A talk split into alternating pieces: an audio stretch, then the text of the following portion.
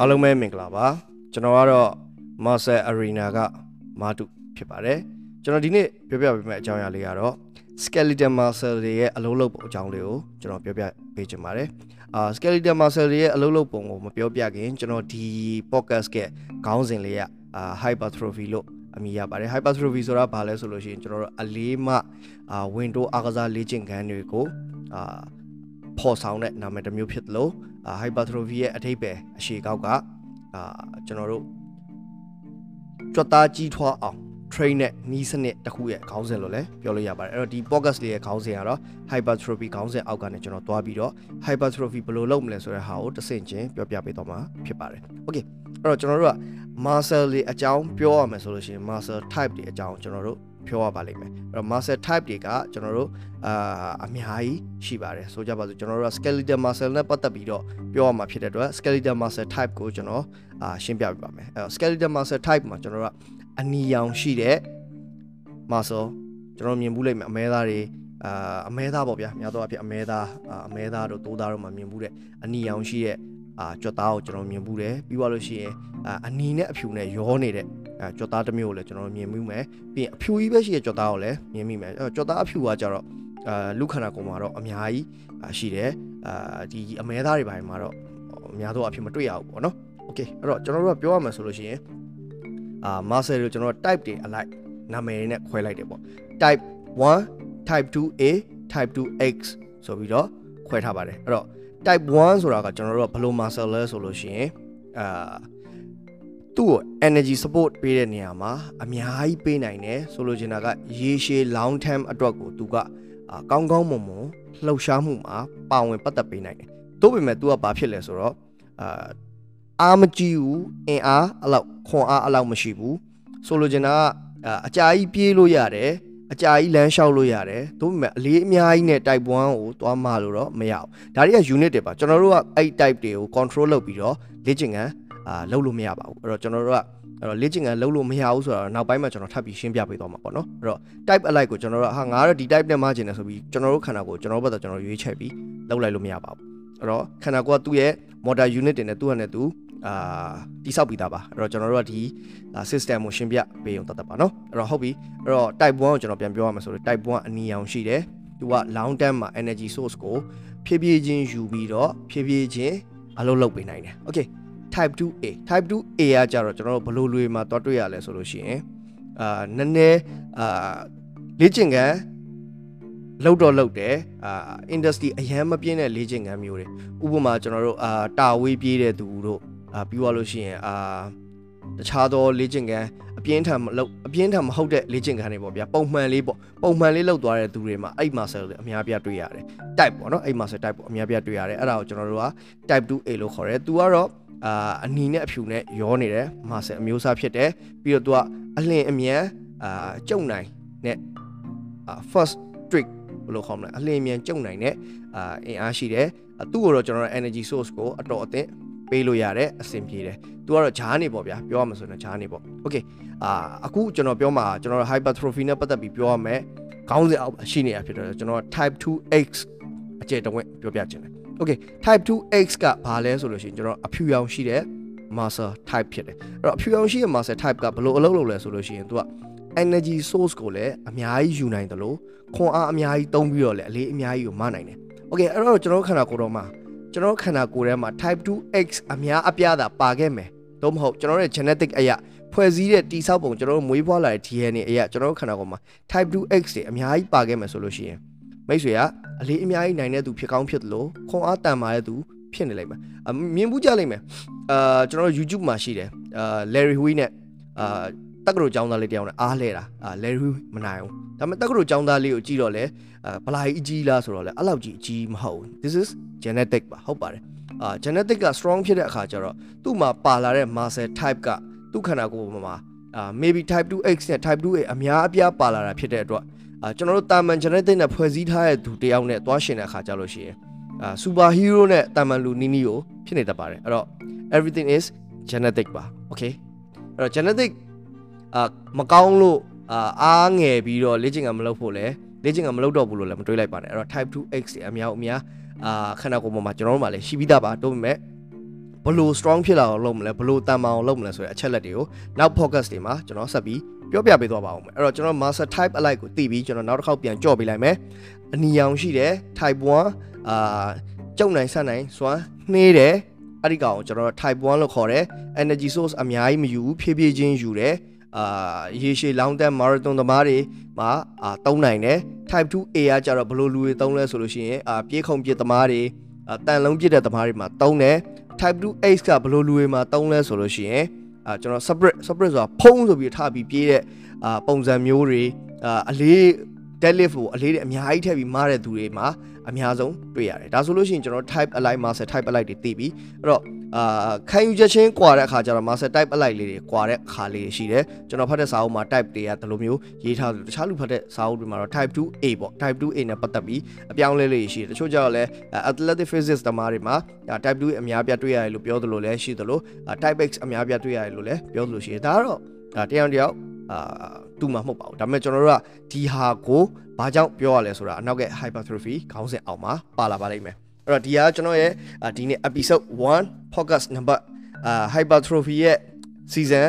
အာ1 episode 1ပါအဲ့တော့ကျွန်တော်တို့အာအဲ့ဒီဟာကိုကျွန်တော်ဆက်ပြီးတော့အာ journey တစ်ခုအနေနဲ့ထပ်ထပ်ထပ်ထပ်ထပ်ထပ်ပြီးတော့ focus လုပ်ပေးတော့ဖို့ရှိပါတယ် okay အဲ့တော့ master fiber type တွေပြီးပြီဆိုတော့ master ပုံစံတွေကဘယ်လိုတွေရှိလဲဆိုတော့လေကျွန်တော်သိဖို့လိုအပ်သေးတယ်ဗျအဲ့တော့ကျွန်တော် တစ်ချက်ချင်းစီပြောရမယ်ဆိုလို့ရှိရင်ကျွန်တော်တို့ခန္ဓာကိုယ်ပေါ်မှာ parallel ဖြစ်နေတဲ့ master တွေရှိတယ်ဆိုလို့ကျွန်တော်အချောင်းလိုက်တွေပေါ့နော်အချောင်းလိုက်အာဝါတူနှစ်ချောင်းပူးထားတယ်လို့မျိုးအဲအဲ့လိုဝါတူတွေအများကြီးပူးထားတယ်ဒါမျက်လုံးနဲ့မြင်အောင်ပြောပါတော့အဲ့တော့အချောင်းလိုက်တွေရှိတယ်ပုံစံတွေရှိတယ်အဲ့ဒါဘာတွေလဲဆိုလို့ရှိရင်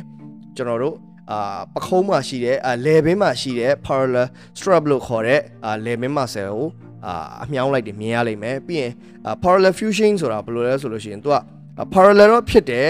fusion form ဖြစ်နေတာပေါ့နည်းနည်းလေးအယောအနှောလေးဖြစ်တယ်အကွေးလဲဟုတ်တယ်လို့အဆန့်လေးလဲဟုတ်တယ်ဒါကတော့ကျွန်တော်ဘယ်မှာသွားတွေ့ရလဲဆိုလို့ရှိရင် bicep brachii မှာတွေ့ရတယ်ပြီးသွားလို့ရှိရင်ကျွန်တော်တို့က convergent ဆိုတဲ့ဟာကိုအာ convergent sorry convergent ဆိုတဲ့ type ပုံစံကိုဘယ်မှာတွေ့ရလဲဆိုကျွန်တော်ရင်ဘတ်ကျွန်တော်ရဲ့ pectoralic major ဆိုတဲ့ရင်ဘတ် muscle မှာတွေ့ရတယ်အာ pectoralic major ကအာ muscle ကဘယ်လိုမျိုးရှိလဲဆိုလို့ရှိရင်ကျွန်တော်တို့ကဘေးတိုက် ဘေးတိုက်အမြင်နဲ့သွားတဲ့ပုံစံရှိတယ်ဘေးတိုက်အမြင်နဲ့သွားတဲ့အခါကျတော့ကျွန်တော်တို့ movement တွေကဘေးတိုက်သွားလို့ရှိရင်ပို့ပြီးတော့ muscle ကိုထိရောက်မှုရှိတယ် okay အာနောက်တစ်မျိုးပြောရမယ်ဆိုလို့ရှိရင်အာ unipanic unipanic ဆိုတာကတော့ကျွန်တော်တို့အာလက်ဖြံလက်ဖြံရဲ့အရှိချမ်းမှာရှိတယ်အာသူက flexor လို့ပြောလို့ရပါဘောเนาะ flexor အာကြုံနိုင်စနိုင်တော့ရှိတယ်သူ့ရဲ့ပုံစံကဘယ်လိုရှိလဲဆိုလို့ရှိရင်ဘေးတိုက်ဘေးတိုက် အမြင်သွားတဲ့ပုံစံရှိတယ်နောက်တစ်ခုကကျတော့ circular circular ဆိုတော့ကျွန်တော်ပါဇက်တို့မျက်လုံးတို့မှာရှိတဲ့ muscle တစ်မျိုးဖြစ်တယ်အဲ့ဒီကောင်ကတော့ကျွန်တော်တို့ကအာကျုံနိုင်စွန့်နိုင်ဆိုအာဘယ်လိုခေါ်မလဲဟိုဘက်ကမာဆယ်နဲ့မတူတော့သူကအဖွင့်အပိတ်တွေပါသူကလှုပ်ပေးနိုင်တယ်အဲ့မာဆယ်ကျွန်တော်အခုစကားပြောနေကျွန်တော်အခုမျက်လုံးမှိတ်နေတဲ့အခါကျလို့ရှိရင်ဒီ circular muscle နဲ့လှုပ်ရှားပြီးအဖွင့်ပိတ်လုပ်ရတယ်နောက်တစ်ခုကကျတော့ multi panic ဆိုတဲ့ muscle တစ်ခုရှိအဲ့ဒါတော့ကျွန်တော်ဘယ်မှာရှိရလဲဆိုတော့ dead right dead right ကဘယ်မှာလဲဆိုတော့ကျွန်တော်ပခုံးအာမြန်မာလိုပြောမယ်ဆိုလို့ရှိရင်တော့စုံပေါ့ လမောင်းစုံကြီးမှာကျွန်တော်တို့ကရှိတယ်။ဘာလို့ multi panic လို့ခေါ်လဲဆိုလို့ရှိရင် तू က3ခုတွဲထားတာမှုလို့ dead drive ကိုများသောအားဖြင့်ကျွန်တော်တို့ကကစားနည်းတွေအများကြီးစော့ကြရမလား။ဘာလို့စော့လဲဆိုလို့ရှိရင်အဲ့ master 3မျိုးလုံးကိုထိရောက်အောင်စော့ကြတာဖြစ်တဲ့အတွက် multi panic dead drive ကိုကျွန်တော်တို့ကတက်ကတ်ထားပြီး trainer ဖြစ်တယ်။အဲ့တော့ master type လေးသိမယ်။ ပြီးနောက်တစ်ခုကကြာ bipanic bipanic ဆိုတာကျွန်တော်ဘယ်မှာရှိလဲဆိုလို့ရှိရင် rectex femoris မှာရှိတယ် rectex femoris ကဘယ်မှာလဲဆိုလို့ရှိရင် femur ဆိုတာကျွန်တော်ပေါင်ရိုးကိုခေါ်တာဖြစ်တယ် rectex ဆိုတာကပေါင်အရှိရ muscle ကိုခေါ်တာဖြစ်တယ်အဲ့တော့ rectex femoris ဆိုလို့ရှိရင်ပေါင်အရှိမှာရှိတဲ့ muscle ကဘယ်လိုပုံစံရှိလဲဆိုလို့ရှိရင်ကျွန်တော်တို့သိရွက်ပုံစံနဲ့တူတယ်သူ့ရဲ့ muscle လေးကတစ်ခုက ညာဘက်ကိုကြားတယ်တစ်ခုကဘယ်ဘက်ကိုကြားတယ်အဲ့တော့သိရွက်ပုံစံရှိတယ်အဲ့တော့ muscle ရဲ့ type တွေပုံစံတွေသိသွားပြီအဲ့တော့ကျွန်တော်တစ်ခေါက်ပြန်ကြော့ပေးမယ်ကျွန်တော်အရေးကြီးတဲ့ muscle တွေပဲကျွန်တော်ပြောသွားလိုက်တော့မယ်မျက်လုံးတွေဂုတ်တွေကျန်တဲ့ဟာတွေထားခဲ့လိုက်တော့မယ်ကျွန်တော်အရေးကြီးဆုံး muscle က deltoid deltoid ကဘယ်လိုပုံစံရှိလဲဆိုလို့ရှိရင်သိရွက်ကိုပြောင်းပြန်လှန်ထားတဲ့ပုံစံရှိတယ်ကျွန်တော်တို့ပခုံးကနေအာသိရွက်၃ခုပေါ့အာလမ်းဘေးမှာတွေ့ရသိရွက်၃ခုကိုပခုံးမှာတင်လိုက်လို့ရှိရင်အဲ့ဒီ muscle shape ကအဲ့ဒီတိုင်းရှိတယ် ပြီးတော့လို့ရှိရင် bipenic rectex femoris ဆိုပေါင်မှာရှိတဲ့ muscle ကိုလည်းကျွန်တော်တို့တိရွက်ကိုအောက်အောက်ဆိုင်တဲ့ပုံစံအပေါ်ကအညာကိုပေါင်ရင်းမှာထားပြီးအောက်ဆိုင်လိုက်တဲ့ပုံစံနဲ့ထားလိုက်မှာဆိုလို့ရှိလေတိရွက်ကအဲ့ muscle နဲ့အလားတန်ပုံစံဆင်တယ်အနောက်တစ်ခုကကျတော့ကျွန်တော် convergent ဖြစ်နေတဲ့ဟာ convergent ဖြစ်နေတဲ့ဟာကျတော့ဘေးတိုက်ပေါ့ဘေးတိုက် muscle တွေသွားတဲ့ဟာ pectoralic major ရင်ဘတ် muscle chest ကျွန်တော် check stone နဲ့ပေါ့ဗျာ check stone နဲ့ဆိုရင်ရင်ဘတ်မှာစိတ်မှာရှိတယ် okay အဲ့တော့ muscle type တွေလည်းသိပြီ အာ muscle type တွေရဲ့ဖွဲ့စည်းတဲ့အာပုံစံလည်းသိပြီအဲ့တော့ဖွဲ့စည်းတဲ့ပုံစံလည်းသိပြီ type တွေလည်းသိပြီဆိုတော့ကျွန်တော်အဲ့တော့ဘယ်လို train လဲဆိုတဲ့ဟာကိုကျွန်တော်နောက်အတန်ဖိုင်တွေမှာရှင်းပြပေးမှာပဲအခုလောလောဆယ်ပြောပြချင်တာကကျွန်တော် type alike train တဲ့ဟာလေးကိုအနည်းငယ်လေးဒီအတန်ဖိုင်လေးမှာထည့်ပြောသွားချင်ပါတယ်ကျွန်တော်တို့လူတွေကို train တဲ့အခါကြာလို့ရှိရင်ကျွန်တော်တို့လူတွေကို train တာဖြစ်ဖြစ်ကိုယ့်ကိုယ်ကို train တဲ့အခါပဲဖြစ်ဖြစ်ကျွန်တော် master type alike လေးတွေအာတနေ့တာမှာအရောအနှောလေးလုပ်ပြီး train တာပို့ပြီးတော့ progress ဖြစ်စေပါတယ်ဆိုကြပါစို့ဗျာကျွန်တော် client တယောက်100 ပေါင်160လောက်ရှိရဲ့ client အာ body weight က160လောက်ရှိမယ် fat က35ဒါမှမဟုတ်30လောက်ရှိမယ်ဝနေရပေါ့ဗျာဝနေရဆိုရက် client တယောက်ကိုကျွန်တော်က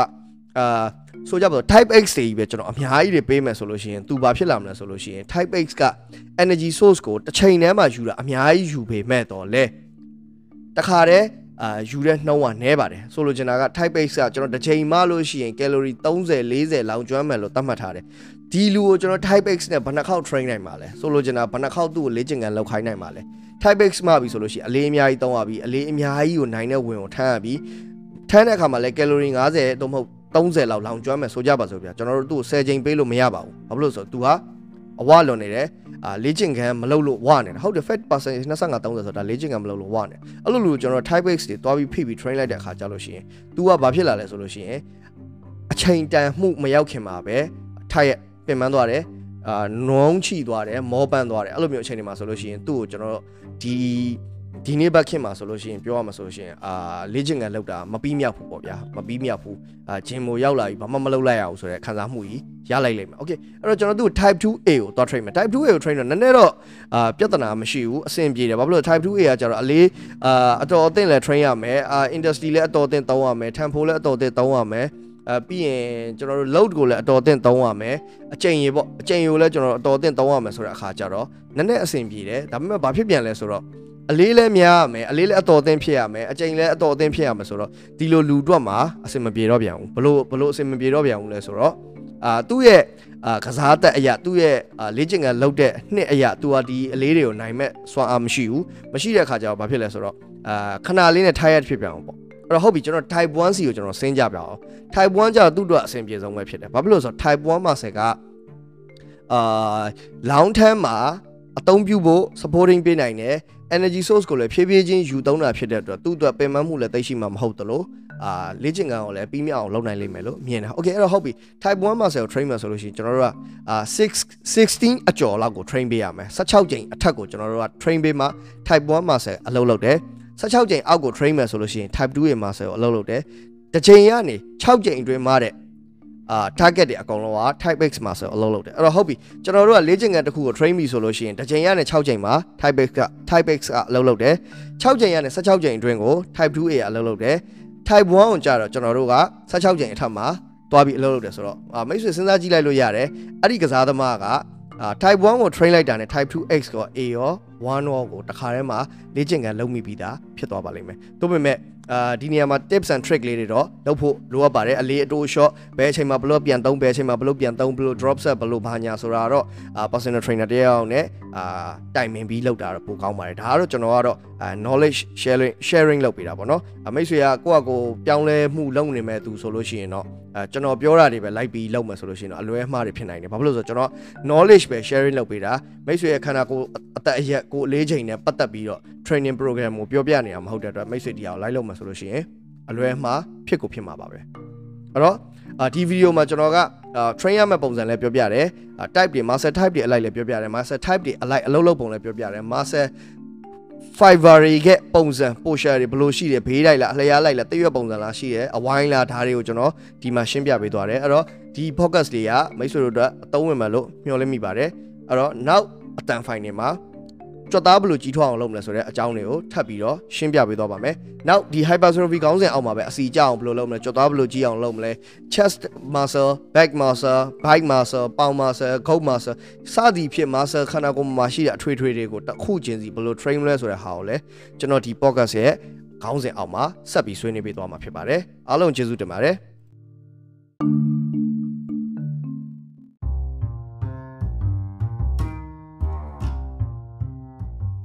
အားလုံးပဲမင်္ဂလာပါကျွန်တော်တို့မာတူပါ Master Arena ပါဗျကျွန်တော်မှာ program လေးတွေရောင်းချပေးပါတယ် gym မှာတွားပြီး workout လုပ်မဲ့ workout လုပ်ချင်တဲ့ client တွေကိုကျွန်တော် gym workout တွေအာ hypertrophy workout တွေ functional workout တွေ weight loss fat loss muscle gain workout တွေကျွန်တော်ရောင်းချပေးပါတယ်အဲ့လိုမှမဟုတ်ပဲအိမ်မှာတစ်နိုင်တစ်ပိုင်းလေ့ကျင့်ခန်းလုပ်ချင်တဲ့သူတွေအတွက်လည်း home workout ကိုမှအကောင်းဆုံးပုံစံနဲ့ကျွန်တော်ရောင်းချပေးပါတယ်ဒါကြော်ညာလေးပါကျေးဇူးတင်ပါတယ်ကျွန်တော်ဆက်ပြီးပြောပါမယ် Okay ဒီနေ့ပြောပြမယ်အကြောင်းအရာလေးကတော့ muscular hypertrophy ဆိုတဲ့ခေါင်းစဉ် season 1 episode 2ဖြစ်ပါတယ် Okay ကျွန်တော်ဒီနေ့ပြောပြမယ်အကြောင်းအရာလေးကိုအာအစမပြုတ်ခင် hypertrophy မှာနှစ်မျိုးရှိပါတယ် hypertrophy ဆိုတာကျွန်တော်တို့အလွယ်ပြောရမယ်ဆိုလို့ရှိရင်ကြွက်သားကြီးထွားအောင်ဘယ်လိုလုပ်မလဲဆိုတဲ့ခေါင်းစဉ်ရဲ့နာမည်ပေါ့ Okay ကျွန်တော် muscular hypertrophy မှာနှစ်မျိုးရှိပါတယ် myofibrillar hypertrophy နဲ့ sarcoplasmic hypertrophy လို့ရှိပါတယ်မြန်မာလိုပြောရမယ်ဆိုလို့ရှိရင်ဗျာအမြင်တွေများလာတာကျွန်တော်မှာဆယ်တွေအမြင်တွေနဲ့ဖွဲ့စည်းထားတာပေါ့အမြင်တွေများလာတဲ့ကြီးထွားတဲ့ပုံစံနဲ့အမြင်တွေများလာတာမဟုတ်ပဲ cell အလုံးထဲမှာနေရာကျယ်လာတာဖြစ်တဲ့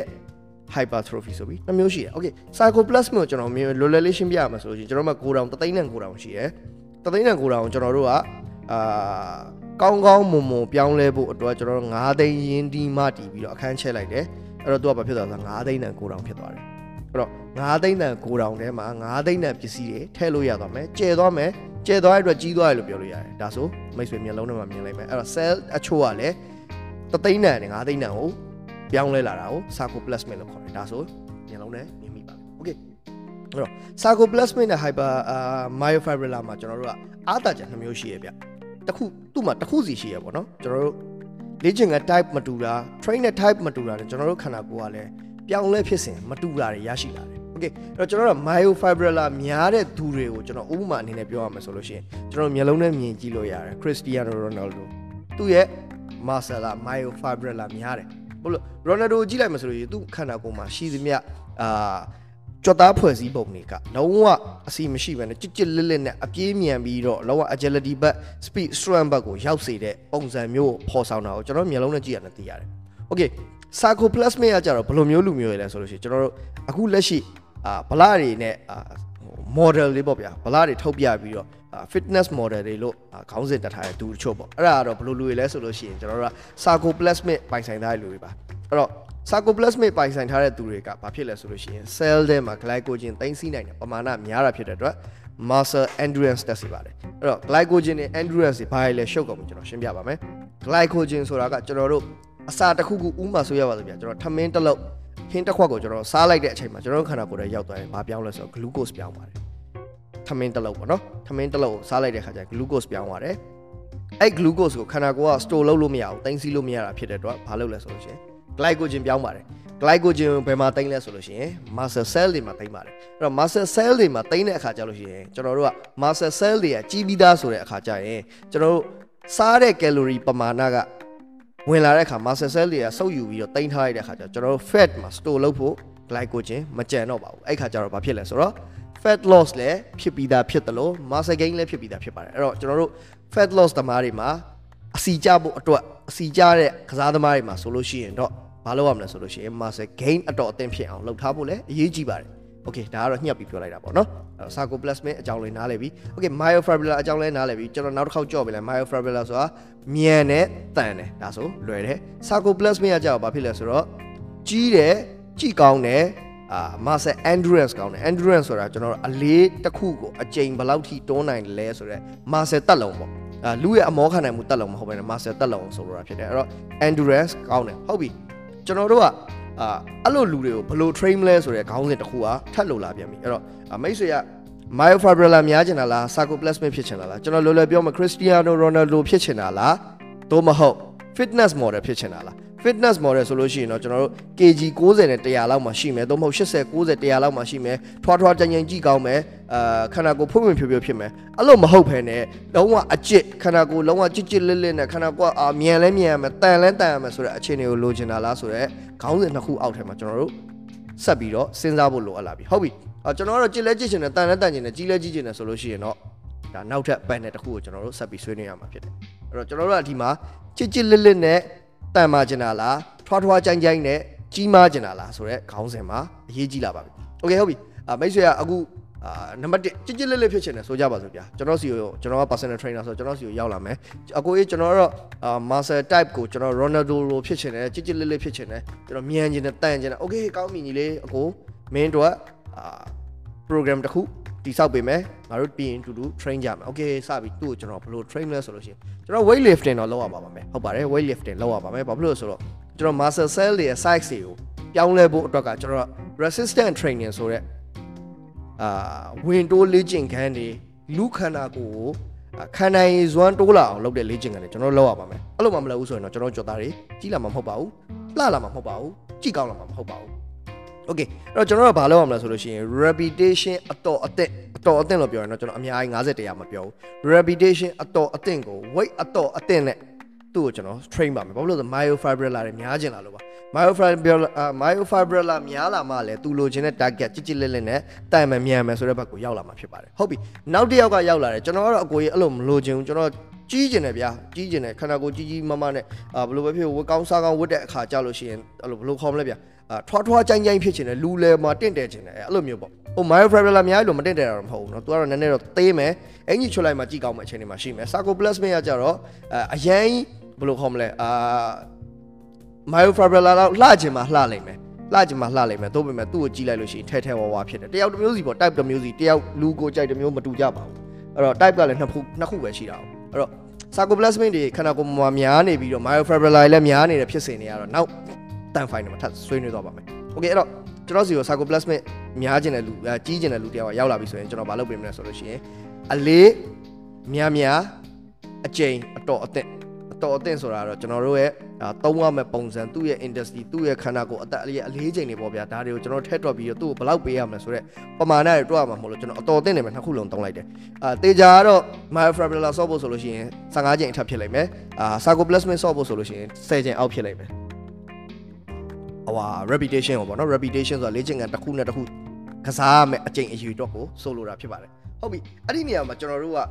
myofibrillar များကျင်တဲ့သူတယောက်ကိုအလေးနည်းနည်းအကျိန်နည်းနည်းနဲ့အလေးများများအကျိန်နည်းနည်းနဲ့သွား train လာတဲ့ခါကျလို့ရှိရင်ဘာမှဖြစ်စဉ်ပြောင်းလဲမှုဖြစ်လာမှာမဟုတ်ပါဘူးသူလိုချင်တဲ့ခန္ဓာကိုယ်ကြီးရလာမှာမဟုတ်ပါဘူးအဲ့တော့အာဆိုလိုချင်တာကွဲပြားပေါ်လွင်တဲ့ကြွက်သားတွေ သူ့ခန္ဓာကိုယ်ပေါ်မှာရလာမှာမဟုတ်ပါဘူးအဲ့လိုမှမဟုတ်ဖ ೇನೆ သူကအာကြီးကျင်တဲ့အကိုရေးဆိုပြီးတော့လာတဲ့သူတယောက်ကိုလည်းအလေးအတော်အသင့်နဲ့အာလေ့ကျင့်ခန်းကို weight ပေါ့ပေါ့နဲ့သွားပေးပြန်ရင်လဲ sarcoplasmic ဖြစ်လာမှာမဟုတ်ပါဘူးအဲ့တော့ကျွန်တော်တို့ကဘာလုပ်ရမလဲဆိုလို့ရှိရင်ပတ်တန်တစ်ခုထဲမှာတေချာ train ပေးဖို့လိုအပ်ပါပြီဗျ Okay ကျွန်တော်တို့ကအဲ့ဆို muscle တွေတစ်ခုကိုဘယ်လို train ပေးမယ်ဘယ်လို build up လုပ်မယ်ဆိုတဲ့ဟာကိုကျွန်တော်ဆက်ပြီးဆွေးနွေးသွားပါမယ်အဲ့တော့ကျွန်တော်တို့မှာ အာ muscle ကြီးစေဖို့ဆိုလို့ရှိရင်အချက်နှစ်ချက်လိုအပ်ပါတယ် mechanical damage နဲ့ metabolic fatigue ဆိုပြီးတော့နှစ်မျိုးရှိပါတယ် mechanical damage ဆိုတာကကျွန်တော်အပြင်ကနေလာတဲ့ impact တွေပေါ့ဆိုလို့ချင်တာအာခန္ဓာကိုယ်တစ်ခုကိုအလေးတစ်ခုနဲ့တော့၎င်းလေ့ကျင့်ခန်းတစ်ခုနဲ့တော့၎င်း damage ဖြစ်အောင်လုပ်လိုက်တဲ့ဖြစ်စဉ်မျိုးပေါ့နာသွားအောင်ကျင်သွားအောင်ဆိုလို့ကျွန်တော်ပြ muscle muscle ကိုအလေးနဲ့တွန်းလိုက်တယ်ပေါ့ဗျာ mechanical damage ဖြစ်သွားတယ်အာ metabolic fatigue ဆိုတာကတော့ကျွန်တော်တို့ခန္ဓာကိုယ်ရဲ့ဇီဝဖြစ်စဉ် ပြောင်းလဲမှုပင်ပန်းနွမ်းတဲ့မှုတွေကိုဆိုလိုတာဖြစ်ပါတယ်အဲ့တော့အဲ့နှစ်ခုရဲ့အချက်အလက်အောက်မှာတော့ကျွန်တော်တို့ကရှိနေရမှာဒါကျွန်တော်က အာစာတင်နေတာမဟုတ်တဲ့အတွက်ကဒီဟာကြီးကိုအဲ့လိုအကျယ်တဝင်းတော့ကျွန်တော်ရှင်းပြတော့မှာမဟုတ်ဘူးအာစာတင်နေတာမဟုတ်ဘူးကျွန်တော်ဒီဟာကို knowledge အရာ sharing လုပ်နေတာအာနားလည်မှုလွဲကောင်းလွဲသွားနိုင်လိမ့်မယ်ဒီခေါင်းစဉ်တွေနဲ့ပတ်သက်ပြီးဘာလို့လဲဆိုတော့ကျွန်တော် sharing လုပ်နေတဲ့အခါမှာမိတ်ဆွေတို့ကလိုအပ်တာတွေယူပါမလိုအပ်တာတွေလှုပ်ပြလိုက်ပါအာမိတ်ဆွေတို့အတွက်အဆင်ပြေတယ်ဆိုထောက်တော့မှအဆင်မပြေဘူးဆိုလဲ skip လုပ်လိုက်ပါပြဿနာမရှိပါဘူးဗျမနေ့ကကျွန်တော်ဗီဒီယိုအာမနေ့ကကျွန်တော်ရဲ့အတန် file လေးကိုဝင်နားထောင်ပေးတယ်အယောက်100လောက်ရှိတဲ့အတွက်ကျွန်တော်ဒီနေ့အတန် file လေးကို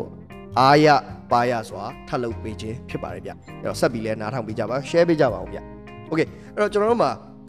muscle cell လေးတွေထဲမှာကျွန်တော် chondrocyte protein လေးတွေဆိုတာရှိတယ် chondrocyte protein လေးတွေဆိုတာ muscle cell လေးမှာရှိတယ် protein protein cell လေးပေါ့ဗျာထပ်ပြောရမှာ protein cell လေးရှိတယ်ကျွန်တော်တို့အလေးတစ်ခုကိုမားလိုက်တဲ့အခါအလေးတစ်ခုကိုကောက်ပြီးတော့ train လိုက်တဲ့အခါကြာလို့ရှိရင်အဲ့ cell လေးတွေကဘာဖြစ်သွားလဲဆိုလို့ရှိရင် resistant ဖြစ်သွားတယ် resistant weight တစ်ခုရသွားတယ်ဆိုလိုချင်တာကဗျာကျွန်တော်တို့က ဒီနေ့မှာ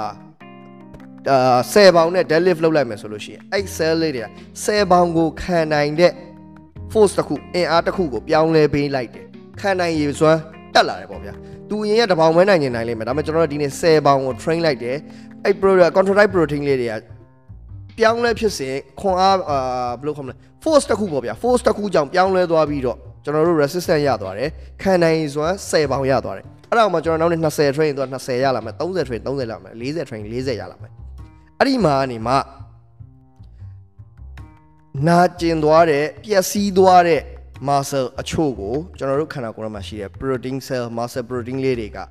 သွားပြီးတော့ပြုပြင်ပေးတယ်အာပြုပြင်ပေးတဲ့ဖြစ်စဉ်အာ damage ဖြစ်နေတဲ့ damage ဆိုပျက်စီးသွားတဲ့အမြင်တွေပေါ့ ကျွန်တော်အခုနပြောရတဲ့ muscle cell တွေအမြင်တွေဆိုတော့အမြင်တွေကို muscle protein လေးတွေကသွားပြုပြင်ပေးတဲ့အခါကျလို့ရှိရင် तू ကဘာဖြစ်လာလဲဆိုတော့အရင်ကထပ်ပိုတန်မအောင်ပြုပြင်ပေးလိုက်တဲ့အခါကျတော့ကျွန်တော်တို့ muscle cell တွေကကြီးလာခြင်းဖြစ်တယ်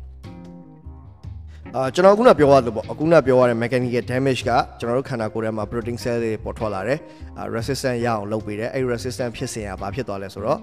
အဲ့ဒီမလိုက်တဲ့ weight ကိုခံနိုင်စွမ်းရှိအောင်အရင်အထက်နည်းနည်းကြီးအောင်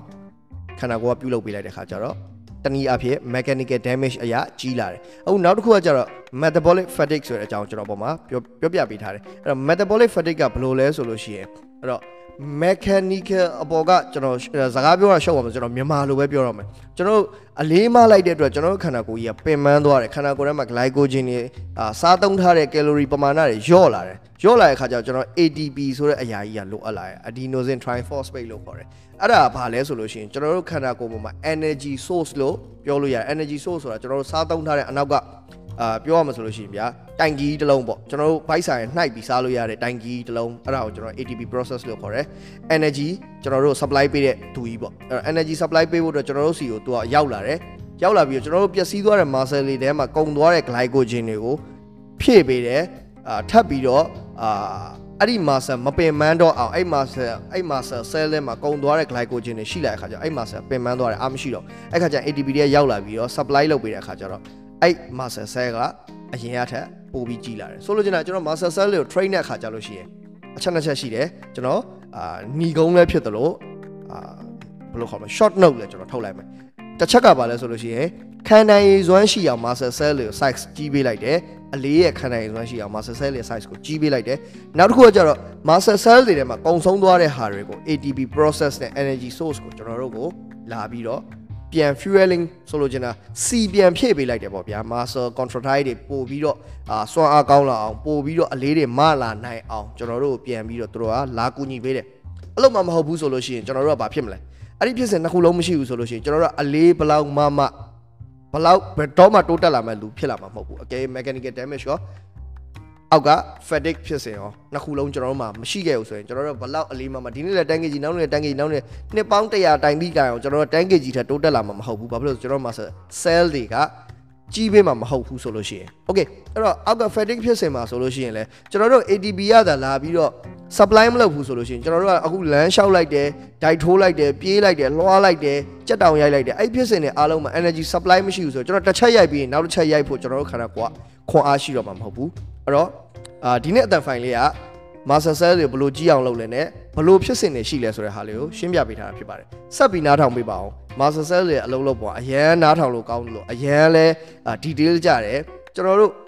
ဟိုရုပ်ရှင်တကားကြီးရထပ်တောင်မိုက်တယ်ဗျာသူ့ရဲ့ဖြစ်စဉ်တွေကဘယ်ဟာနဲ့ဘလို့ဖြစ်တယ်ဘယ်ဟာနဲ့ဘလို့ဖြစ်တယ်တက်နိုင်တယ်ဆိုလို့ရှိရင် short note လေးဖြစ်ဖြစ်ဖုန်းထဲမှာ notepad လေးမှာပဲဖြစ်ဖြစ် live မှတ်ပေးထားဖို့ကျွန်တော်မေတ္တာရက်ခံပါတယ်မိတ်ဆွေတို့အတွက်ဒီဟာအာတခြားသူတစုံတယောက်ကလာပြီး master ကြီးအောင်ဟဲ့အောင်မင်းအလေးအများကြီးနဲ့အချိန်နည်းနည်းပဲတွန်းဆိုပြီးပြောတဲ့အခါငါကတော့ဘယ် target ကိုသွားနေတာငါကတော့ဘယ်လို target ကိုသွားနေတာဆိုတဲ့ဟာကိုပြန်ပြီးပြောပြနိုင်ပေးမှာဖြစ်တဲ့အတွက် like ပြီး save လုပ်ထားဖို့ ကျွန်တော်မြေတားရက်ခံပါတယ်အားလုံးနှုတ်ဆက်ပါတယ်ကျွန်တော်ရဲ့ program လေးအရှိမကြေညာထားတာကိုအာကြေညာမိလိုက်တော့ sorry ပါလို့ပြောရနေပဲအားလုံးနှုတ်ဆက်လိုက်ပါတယ်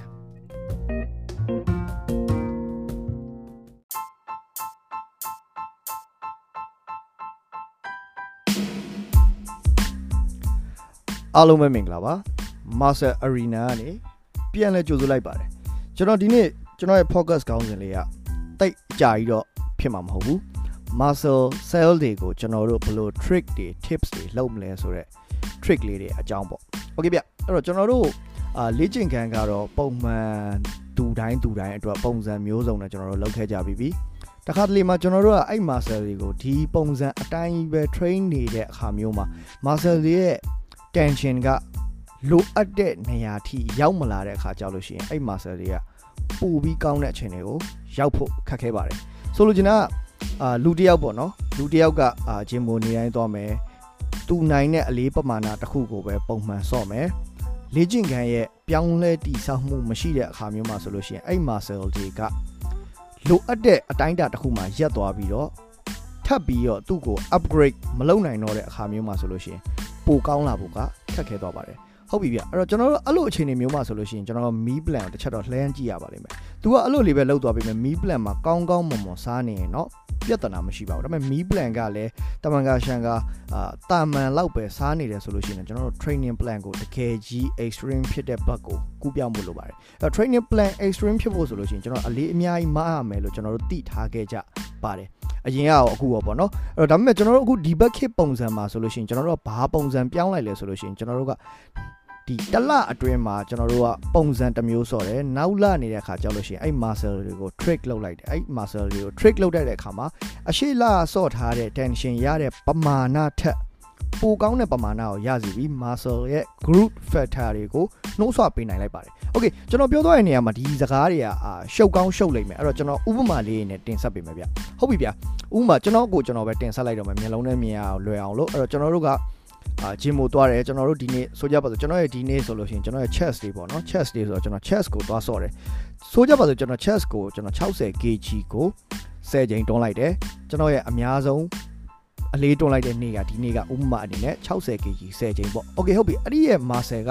ဘယ်လောက်ထိရသွားလဲဆိုလို့ရှိရင် 60 kg ခဲ့ 10ချိန်တိတိကို muscle memorialize လောက်ထားလိုက်တယ်เนาะ memory မှတ်ထားလိုက်တယ်ပေါ့ memory မှတ်ထားလိုက်တယ်အဲ့တော့60 kg ထက်လေးတဲ့ပမာဏတစ်ခုသူ့ကိုထပ်ပေးမှအဲ့ muscle က tension ပိုရပြီးတော့အဲ့ muscle ရဲ့ damage ကအရင်အထက်ပိုကောင်းမှာဖြစ်တယ်ဆိုလို့ကျွန်တော်ကျွန်တော်တို့ recover recover time ပေးရမယ်ကတော့တိပြီးပြီကျွန်တော်အရှိရ podcast တွေမှာလည်းကျွန်တော်ပြောခဲ့ပြီဒါပေမဲ့ muscle တစ်ခုကိုပြင်းအားထပ်ပေးဖို့ဆိုလို့ရှိရင်ကျွန်တော်တို့အနောက်က like ကမယ် me plan ကောင်းနေဖို့လိုတယ်ဒါပေမဲ့ me plan မကောင်းနေတဲ့အခါမျိုးမှာဆိုရင်ကျွန်တော်တို့ ဒီဟာကိုထပ်မတိုးဘဲနဲ့တသလုံးဒီတိုင်းပဲတွန်းသွားတော့မှာလားဆိုလို့ရှိရင်အဲ့လိုမဟုတ်ဘူးအဲ့ဒါကြောင့်ကျွန်တော် tips တွေ trick တွေကိုဒီကနေပြောပြပေးမှာဖြစ်တယ်ဟုတ်ပြီဗျအဲ့တော့ကျွန်တော်တို့ဘာ trick လုပ်လို့ရလဲဆိုရင်ကျွန်တော်60 kg 10ချိန်တွန်းလိုက်တယ်ဆိုလို့ရှိရင်ကျွန်တော်တို့က60 kg 10ကဆိုရင်600 kg ပါเนาะ600 kg ကိုတထိုင်နဲ့တွန်းလိုက်တာနဲ့တူတယ်ဟုတ်ပြီဗျအဲ့တော့ကျွန်တော်တို့ကအဲ့60 kg 10ချိန်ကိုထပ်ပြီးတိုးဖို့အတွက်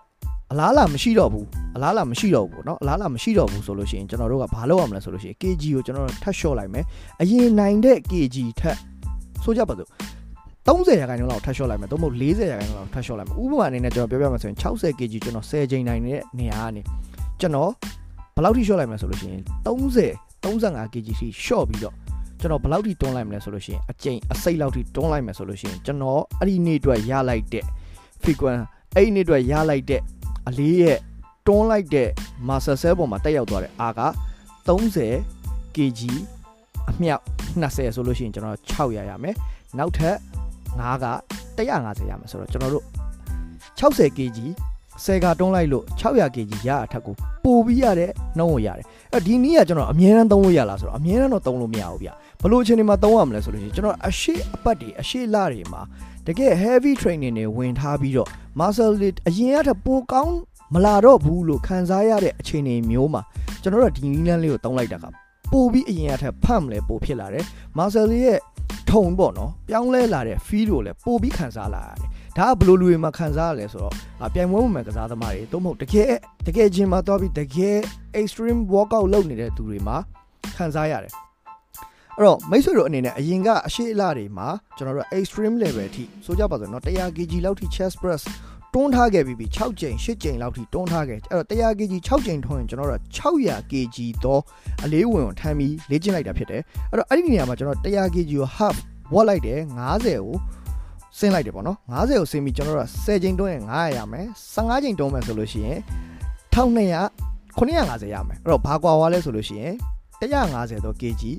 gap ဂျားထဲမှာကွာခြားမှုရှိသွားပြီအဲ့ဒါကြောင့်ကျွန်တော်တို့ muscle cell တွေကို tips and trick လုပ်မယ်ဆိုလို့ရှိရင်မိမိတွန်းနေတဲ့အလေးပမာဏရဲ့30နဲ့40ရာခိုင်နှုန်းလောက်ကိုဆင်းပြီးတော့ repetition ကိုအရင်ကတွန်းထားခဲ့တဲ့ repetition ရဲ့နှစ်ဆသုံးမဟုတ်နှစ်ဆခွဲလောက်ကိုတက်ပြီးတွန်းလိုက်မယ်ဆိုလို့ရှိရင်ကျွန်တော် muscle ထုံကအရင်အထက်ပိုကောင်းလာမယ်လို့ခံစားရပါလိမ့်မယ်ဒါကကျွန်တော်ခုန focus မှာပြောသွားသလိုပဲ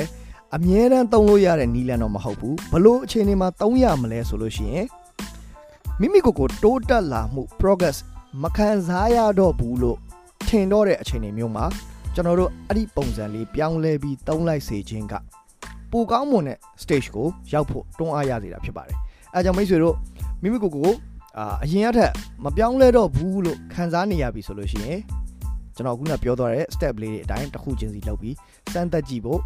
ပြောကြလိုပါတယ်အဲ့တော့ ဒီနေရာမှာချွင်းချက်ရှိတာကတော့ကျွန်တော်တို့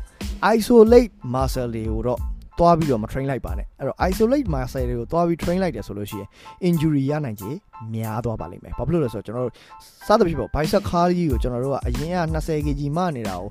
half ချိုးပြီး30မှပြီးအစိတ်လောက် repetition သွားလုပ်တာကြီးอ่ะ နည်းနည်းလေးတော့နည်းနည်းလေးတော့ဘယ်လိုခေါ်မလဲအမြင်ထဲမှာလည်းမတင်တော်တော်လို့ကျွန်တော်တို့ muscle ပေါ်မှာတက်ရောက်မှုမှာလည်းအဲ့လောက်ကြီးကောင်းမယ်လို့မခံစားရအောင်အဲ့ဒါကြောင့်ကျွန်တော်တို့က compound exercise တွေကိုဒါကျွန်တော်အခုနကပြောချင်တဲ့ half ချိုးပြီးတော့ rep ကိုနှစ်ဆသို့မဟုတ်နှစ်ဆခွဲလောက်တိုးတာမျိုးကပဲတင့်တော်ပါတယ်ဗျနောက်ထပ် focus အသစ်တွေကိုဆက်လက်ပြီးတင်ဆက်ပေးသွားမှာဖြစ်ပါတယ်အားလုံးကိုကျေးဇူးတင်ပါတယ်